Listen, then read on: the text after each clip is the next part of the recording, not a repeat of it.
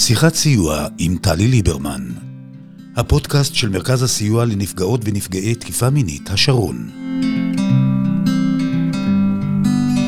שיחת סיוע, הפרק הרביעי, והנושא שלנו היום הוא הורות בצל הפגיעה.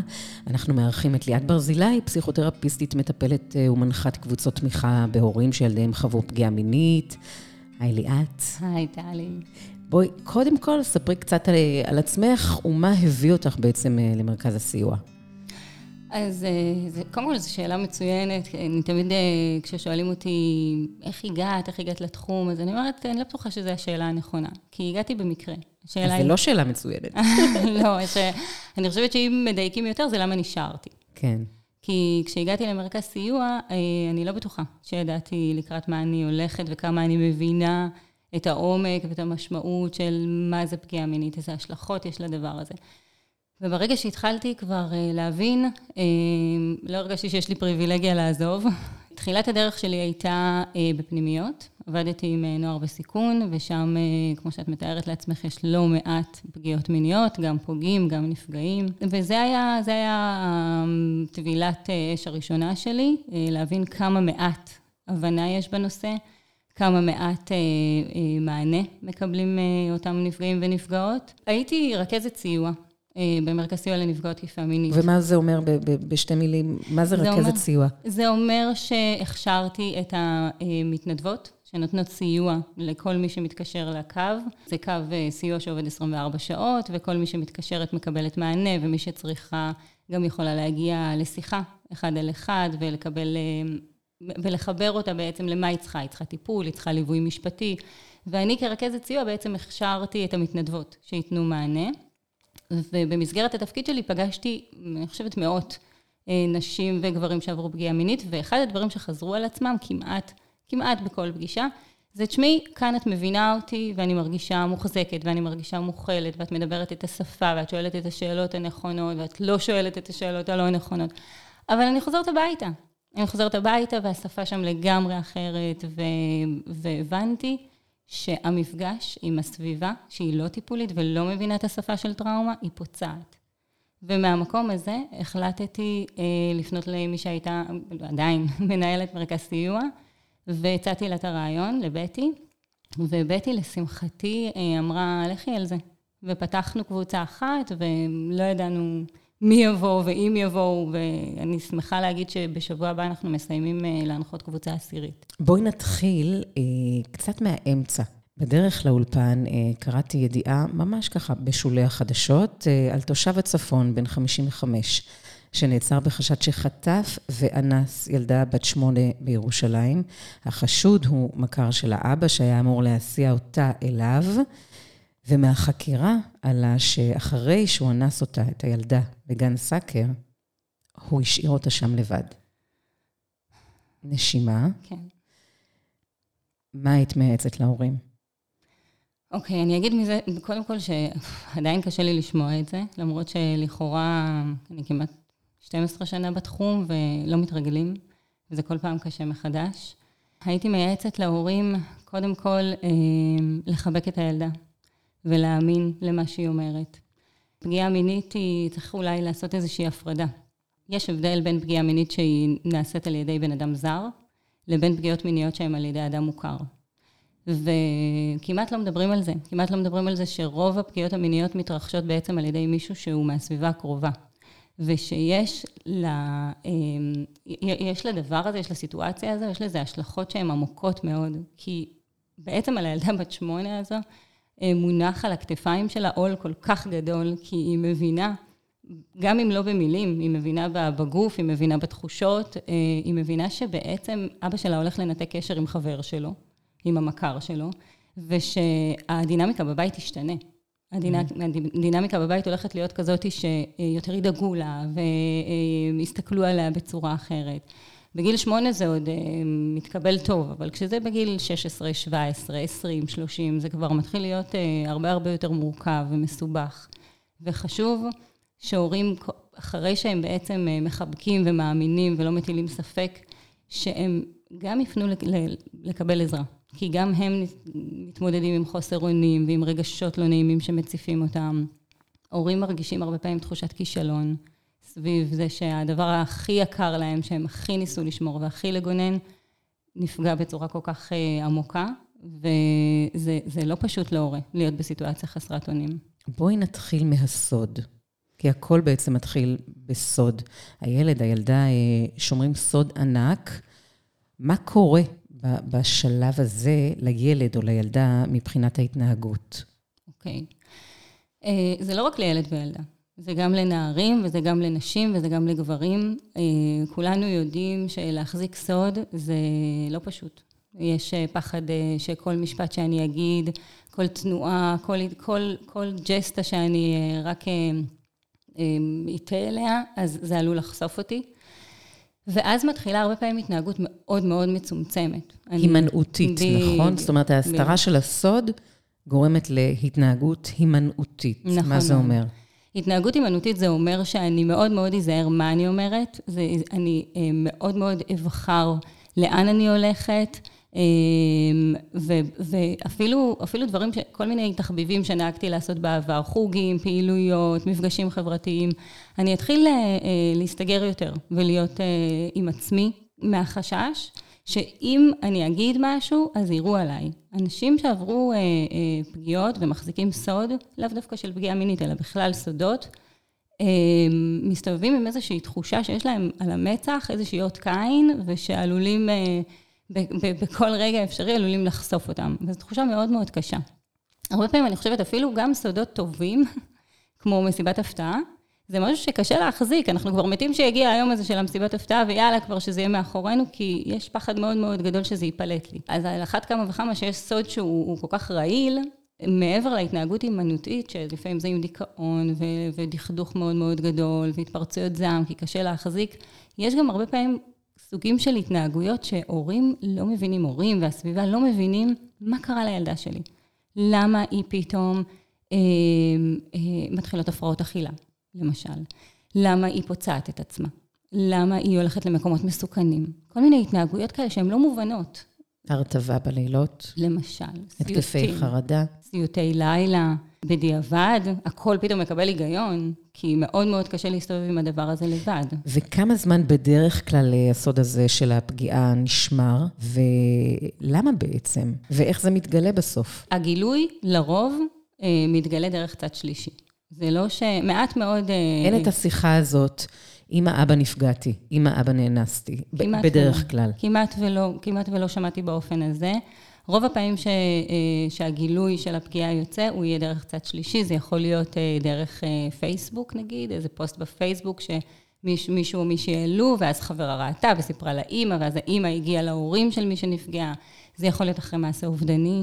זה יכול להיות דרך אה, יועצת של בית ספר, אה, לפעמים מגיעים לאשפוז פסיכיאטרי ואחרי תקופה יוצא הסוד. והורים הרבה פעמים מאוד עסוקים בשאלה הזו למה היא הסתירה. ואני אומרת, קודם כל, השאלה הזאת, אני מבינה אותה, אבל היא לא רלוונטית. היא לא רלוונטית כי הרבה פעמים אנחנו לא מספרים לעצמנו אפילו דברים שקשים לנו. ויש מאמץ מאוד מאוד גדול להדחיק את זה, להוציא את זה, להמשיך להתנהג כאילו הכל רגיל, בתקווה. וגם להגן באיזשהו אופן על ההורים. אז זה כבר בשלב יותר מתקדם, את כבר באמת כבר מבינה את העומק. כי הסיבה שלא מספרים היא, אה, בטח ובטח אם זה מישהו מהמשפחה, זה שברור שהדינמיקה בבית תשתנה. ברור מאוד שאני אצטרך להתמודד. תחשבי שאם הפגיעה היא בתוך המשפחה, אז יעלו שאלות כמו איזה צעד תבחר, תבחר המשפחה. ו, ומה זה אומר, מה, מה ההורים שלי יחשבו עליי? הם יחשבו שאני קורבן, הם יחשבו ששיתפתי פעולה, הם יחשבו שאני בן אדם חלש. יש פחד מאוד גדול שיסתכלו עליי כמצורעת, שיתחילו להצר את הצעדים שלי ויסתכלו על כל מקום שאני הולכת ומה אני עושה, ושתהיה ביקורת מאוד מאוד גדולה. יש פחד גם הרבה פעמים מנקמה, אה, שהבנות פוחדות שההורים שלהם אה, ירצו לנקום וישבו בכלא, ויש פחד גם אה, מהתעלמות. שזה גם קורה לפעמים, שההורים לא יגיבו באופן מותאם ויגידו, אוקיי, תתגברי, היה, נגמר, בואי נמשיך הלאה. איך ההורים באמת אה, מגיבים אחרי שהדבר הזה מתגלה, מתגלה להם? זה, זה כמו אובדן, כמו, כמו אבל. למעשה, הדבר היקר להם מכל נוצל ונפגע. אז קודם כל יש באמת שוק. יש שוק מאוד גדול, יש אה, אה, רעידת אדמה כל, כל החיים, הורים מתארים את זה, החיים שלפני והחיים שאחרי, ואני גם ככה אגיד בזהירות שהרבה פעמים הורים מתגעגעים אפילו לתקופה שלפני שהם ידעו, כי זה לא דרש מהם את ההתמודדות שאחרי שזה כבר בחוץ. נדרש מהם באמת לפעול, להגן, לשמור. לטפל בעצמם, לטפל בילדה שנפגעה, ובאחים... את הגדרת את זה, אה, את רגע החשיפה כפיגוע רב נפגעים. נכון, נכון. כי מסביב לכל מי שנפגע או נפגעה, יש אה, אה, משפחה, חברים, ו- וכולם חוטפים. כולם חוטפים. יש הבדל בין אה, תגובה של נשים ותגובה של גברים? מה האבות רוצים ומה האימהות? אני יודעת שמקובל להגיד שאבות ירצו נקמה, ונשים רק ירצו שהבת שלהם תרגיש יותר טוב, או הבן שלהם ירגיש יותר טוב. אני יכולה להגיד שבתוך ה... באמת מהניסיון שלי זה משתנה. אה, כן יש אה, חלוקה ברורה. כל, כל ההגדרת תפקידים שהייתה בבית משתנה, וכל אחד מההורים נכנס לאיזשהו תפקיד של, אה, לרוב האבות הם בדואינג, ואוקיי, בואי נתבע, בואי נראה לו מה זה, והאימהות רק אומרות, רק בואו בוא, בוא נחזיר את המצב למה שהיה, בואו נדאג לטיפול, בואו נדאג... למענה רק... נפשי. כן, כן, יותר פונות לרגש, גם נשים הרבה יותר... יותר מכילות. אבות הרבה פעמים מאוד מאוד עסוקים בשאלה איך זה יכול להיות, איך היא לא סיפרה לנו. תראי, זה משבר אמון מאוד מאוד גדול להבין שהבת שלי שמרה ממני כזה דבר, מה זה אומר עליי כהורה? ויש משבר אמון שלוקח זמן להתגבר עליו. הרבה מאוד אה, מההורים ממש מתארים אה, תחושת כישלון. נכשלנו בתפקיד שלנו כהורים. ו... והרבה פעמים אני שומעת תחושה של בושה מאוד גדולה, למי מספרים, איך מספרים כזה דבר, הרי הסביבה תשפוט אותנו ויצקצק יחכו ויעברו את הכביש לפעמים כדי לא להגיד לנו שלום. וזו חוויה של בדידות מאוד מאוד קשה. כל הדבר הזה של הבדידות והבושה והאשמה והפחד מביקורת, זה, זה בדיוק, בדיוק, בדיוק מה שהם אמרו. כל הדינמיקה הזאת. בדיוק. ובמרכז הסיוע לנפגעות ונפגעי תקיפה מינית, השרון, אתם מציעים כמו שסיפרת בהתחלה, סדנת תמיכה להורים, את וערן האן, שאירחנו אה, בפרק הקודם, פרק שעסק בפגיעות אה, מיניות בגברים, ושניכם בעצם אה, מנחים יחד את הקבוצות. נכון. איך עלה הרעיון לקיים מפגשים כאלה? אמ, אז אחרי ששמעתי לא מעט מפונים ופונות, ש... שבמרכז סיוע ובטיפול שלהם מבינים אותם, אבל בבית לא, אז איך, אז איך ככה חשבנו על הרעיון של אה, לפתוח קבוצת הורים, קבוצת תמיכה להורים שהילדים שלהם עברו פגיעה מינית, ובעצם להנגיש להם את מה שנקרא שפה של טראומה. יש טוב. שפה כזאת. יש שפה של טראומה, שהיא בעצם מלמדת אה, קודם כל לשאת, אה, את, את, להבין את הרגשות שלי כהורה, לשאת חוסר אונים. זאת אומרת, לבטא את הרגש במילים. בדיוק, להבין קודם מה קורה לי, לתת לזה מילים. תראי, אנחנו יודעות שמילים זה דבר מווסת. זה דבר שעוזר לנו להיות מאוזנות. ברגע שאנחנו מרגישות אה, מובנות, וברגע שיש מילים והיגיון למה שקורה לנו, אז זה נותן לנו תחושת ביטחון, וזה בריאות נפשית. ואז ברגע שהורים מבינים מה קורה להם, ומבינים מתוך הדבר הזה גם מה קרה, מה עבר על הבנות שלהם, על הבנים שלהם, אז הם יכולים גם לתת לזה, הם יכולים לשמוע אחרת, הם יכולים לשאול את השאלות הנכונות, הם יכולים לפעמים רק לחבק ולשהות בכאב. הרבה פעמים זה ככה מין משהו מעורפל כזה, מה זה לשהות בכאב? זה משהו שבמפגש הראשון, שני, הורים לא מצליחים להבין מה אני וערן אומרים להם, וזה לוקח לשהות זמן. לשהות בכאב. כן. בלי doing, בלי בואי אומרת... תצאי החוצה עכשיו, את בדיכאון, אז בואי תלכי לחוג, ובואי תהיי לסיבוב, ובואי... זה פשוט לחבק ולהכיל נכון, בעצם. נכון, ולאט לאט גם ללמוד לקרוא סאב-טקסט. מה מסתתר מאחורי ההתנהגות? כי הרבה פעמים קשה לנו להגיד בקול מה אנחנו מרגישות, מה אנחנו זקוקות. ברגע שאנחנו מבינות מה אנחנו מרגישות, רגש הוא מתנה. ואם אני מבינה את הרגש שלי, אני גם יודעת להגיד מה הצורך שלי ולמה אני זקוקה. ברגע שהורים יודעים להבין את זה, ברגע שהם יודעים לזהות שיש פה בסך הכל עלבון, יש פה כאב, יש פה אה, עצב מאוד מאוד עמוק, אז אפשר גם לחבק, אפשר לעזור לשים גבול. תראי, אני רוצה להגיד משהו על ה...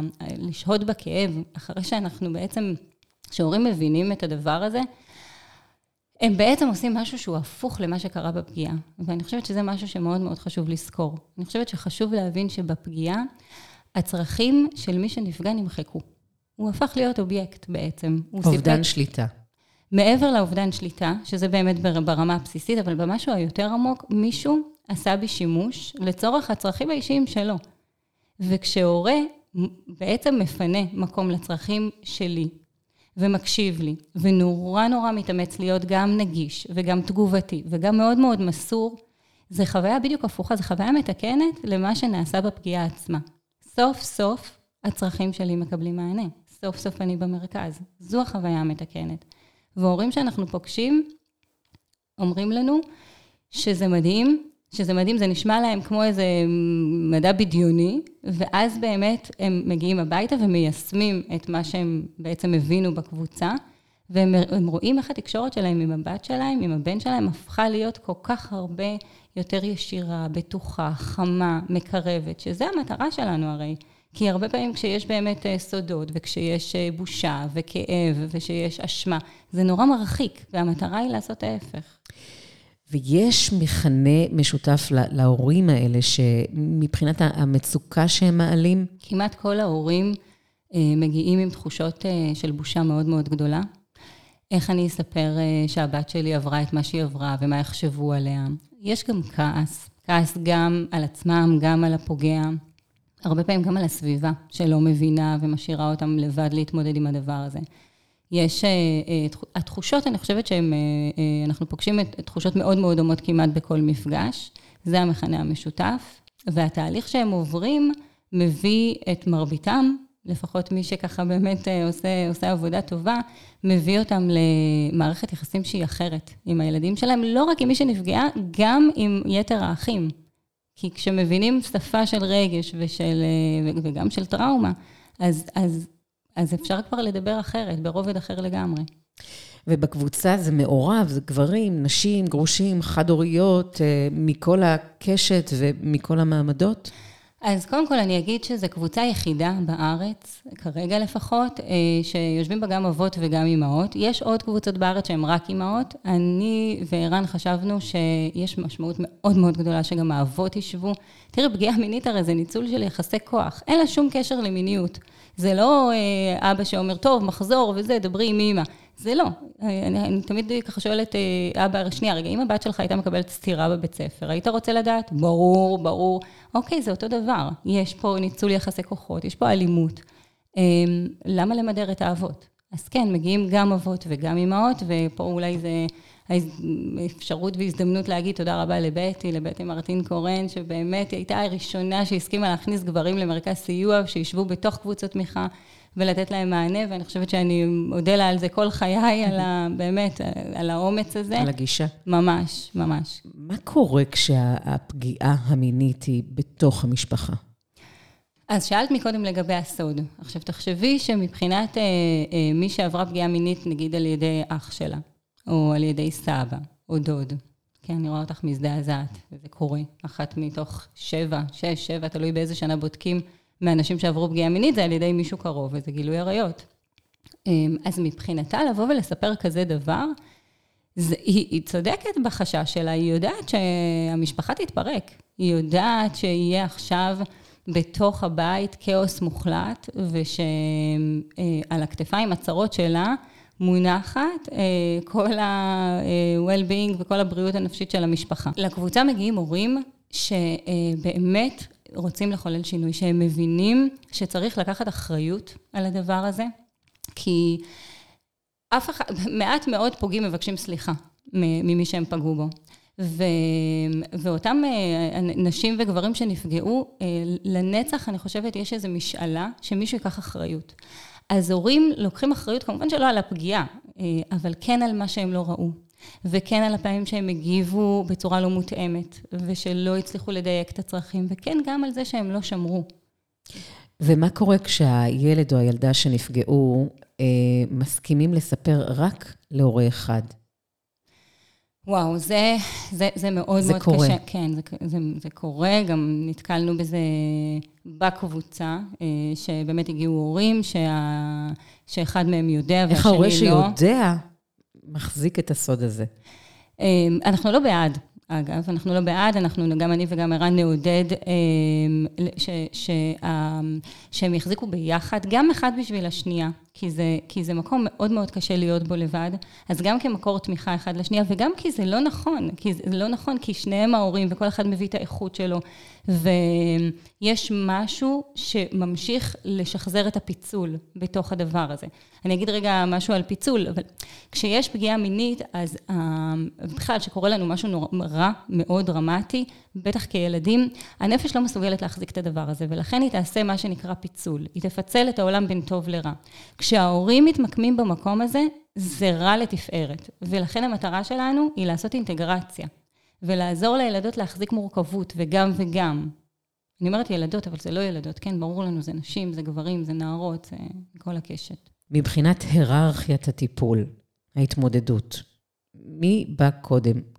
קודם הילדים, או, או זאת אומרת, הקורבן אה, שנפגע, או, או קודם חשוב לעזור להורים?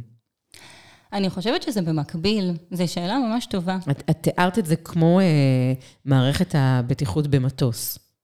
נכון. זה... למי קודם כל נותנים את החמצן? אז, אה, אז תמיד זה נורא מפתיע שהדיילת אומרת שבמקרה חירום אה, תשימו קודם על עצמכם את המסכה ואז לילדים, וכל ההורים אה, מזדעזעים ואומרים, מה, מה פתאום, מה פתאום, קודם הילדים. אבל יש בזה היגיון, כי אם אני לא אקח חמצן לעצמי, ואם אני לא אדע אה, מה אני אה, זקוק, מה אני מרגיש, איך יהיה לי פניות לטפל בעוד אנשים? אז אני חושבת שזה צריך להיות במקביל. שהורים צריכים, תראי, גם יש בזה modeling, ללכת ולבקש עזרה, ולהגיד, שמעי, זה נושא, אני רוצה לעזור, אני לא בטוח שאני יודע איך, ואני הולך לקבל עזרה. אני חושבת שהרגע שהורים אומרים ל, ל, לילדים שלהם, אנחנו הולכים לקבוצת תמיכה, הוא רגע מאוד מאוד חשוב, כי אחד, אמ, יש modeling שאם ההורה שלי, שהוא גדול ו- ואני מעריץ אותו, והוא תמיד כזה יודע הכל, הולך לבקש עזרה, אז גם אני יכול. וגם יש משהו בזה ששמים אותי במרכז, אני כזה חשוב שהולכים לעבוד מאוד מאוד קשה בשביל לתקן את הקשר בינינו. אני גם כן חושבת שהאחים שנמצאים בתוך הסיפור הזה, כן חשוב שגם הם יקבלו אה, מענה, כי גם הם... בעצם נמצאים פה בתוך איזושהי אה, אה, קלחת. הבית הופך לכאוס, בטח בשלבים הראשונים. ו, ו, ו, וגם אחיות שפתאום גילו שהאחות הקטנה שלהם, או האחות הגדולה שלהם עברה פגיעה מינית, מאוד מאוד קשה להם להתמקם מול, מול הדבר הזה. ומה, אני בתפקיד המטפלת מצד אחד, רוצים נורא נורא לעזור. מצד שני, יש גם כעס שפתאום ההורים שלי מושקעים באחותי יותר, וגם ככה יש קנאה בין אחים. אז המקום הזה... הוא הופך להיות עוד יותר, הכל נהיה בווליום יותר חד. אז השלב הבא זה קבוצת תמיכה גם לאחים ואחיות. שנים, שנים אנחנו חושבים על זה, אבל אה, באמת, אה, אולי, אולי בהמשך, זה באמת אה, במחשבה. בקיצור, יש הרבה עבודה. הגילוי של פגיעה מינית שונה מגילוי של מחלה. במחלה יש דיאגנוזה, יש התוויה של הליך רפואי, יש בדיקות ויש מעקב, בתקווה להחלמה מלאה בסוף התהליך. ו... זאת אומרת, יש לזה שם. ופה אין כל כך כתובת. יש uh, טיפול והחלמה של, של, של הנפש. נכון. את יודעת, אה, אם שאלת מקודם על ההבדל אה, בין אבות לאימהות, אז אני חושבת שהרבה מאוד, אני שומעת מהרבה מאוד אבות, תגידי לנו שיהיה בסדר. תגידי לנו מה הפרוגנוזה. יש סיכוי, יש סיכוי שה, שהבת שלי או הבן שלי יחזרו להיות, הם שהם יחלימו, שהם יחזרו להיות מה שהם היו. קודם כל, אה, ממקום ריאלי, אני אגיד שלא יחזרו להיות מה שהיו לעולם, אבל אה, לפעמים, דווקא אחרי אירוע כזה, יש משהו שמשתנה בבית בצורה שהופכת את הדינמיקה לאחרת ואיכותית יותר. זה נשמע נוראי, אני יודעת, אה, אבל ברגע שמתאפשר איזשהו ערוץ תקשורת שהוא ישיר ופתוח, אז יש איזושהי למידה לזה שאני יכולה להישען על ההורים שלי, שאולי לא הייתה קודם, שאני יכולה להיעזר בהם, שהם לא יתפרקו, שהם יהיו באמת בשבילי בלב ובנפש ויחזיקו אותי, וזה דבר שהוא נותן המון המון ביטחון. אז לגבי הפרוגנוזה, אני אה, מזכירה שבשנים האחרונות יש המון המון מחקרים שמראים שמה שבעצם ישפיע על האופן שבו אנחנו נתמודד עם אירוע טראומטי הוא התגובה של הסביבה. ואם ההורים יגיבו באופן שהוא מדויק ומותאם, אז הפרוגנוזה היא טובה. אז אנחנו נוכל בעצם לפתח חוסן. לפעמים התפקוד הגבוה של הילד או הילדה, מיד אחרי המקרה, אה, לא מצביע על מה שהולך לקרות בהמשך.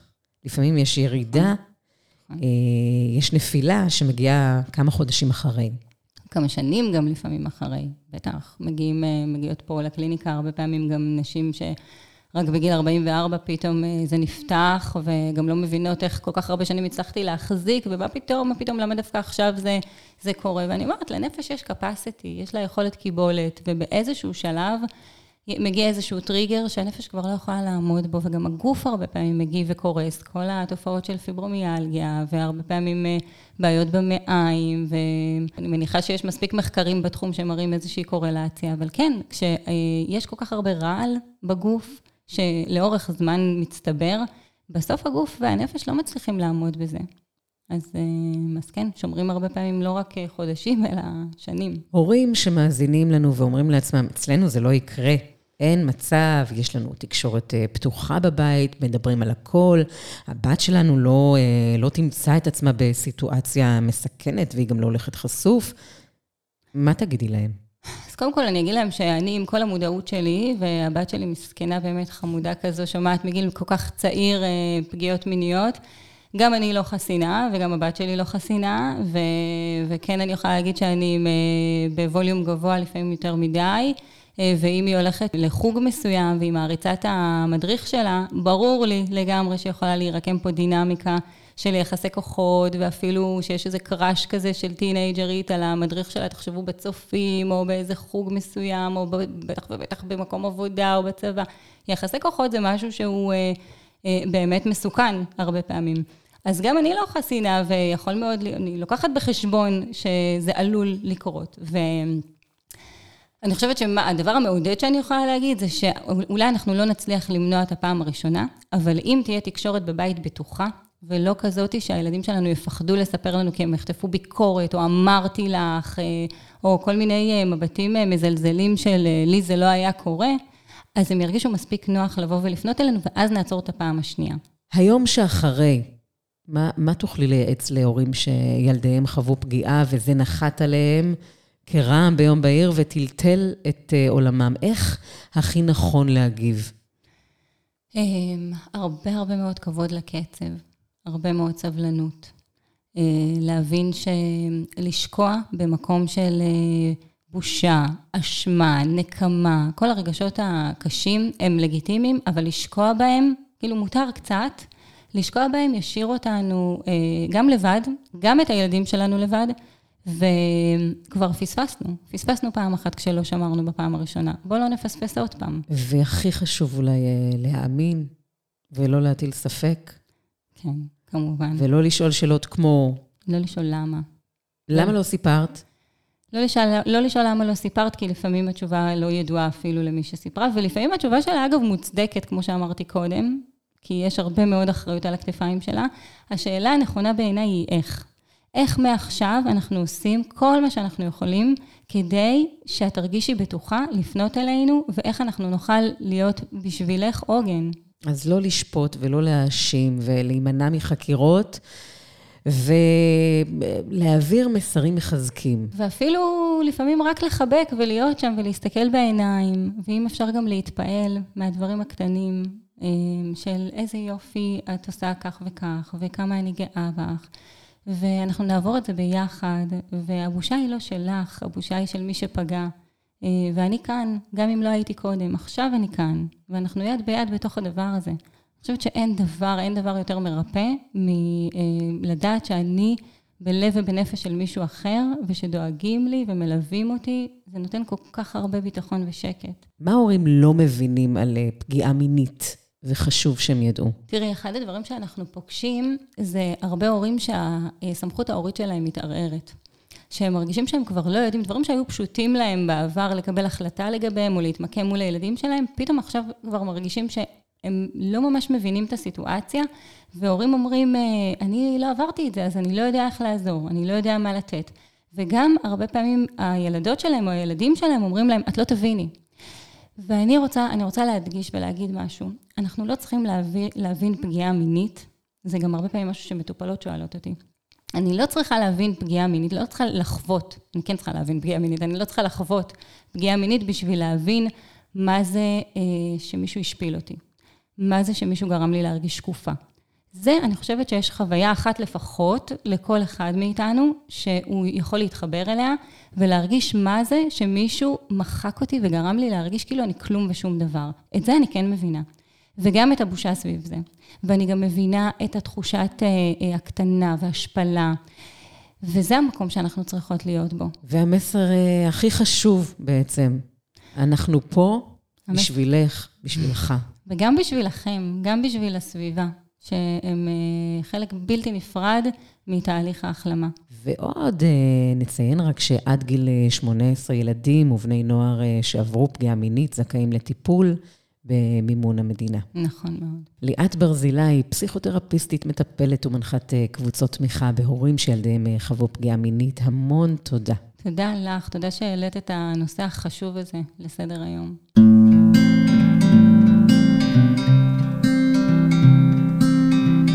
שיחת סיוע עם טלי ליברמן, הפודקאסט של מרכז הסיוע לנפגעות ונפגעי תקיפה מינית, השרון.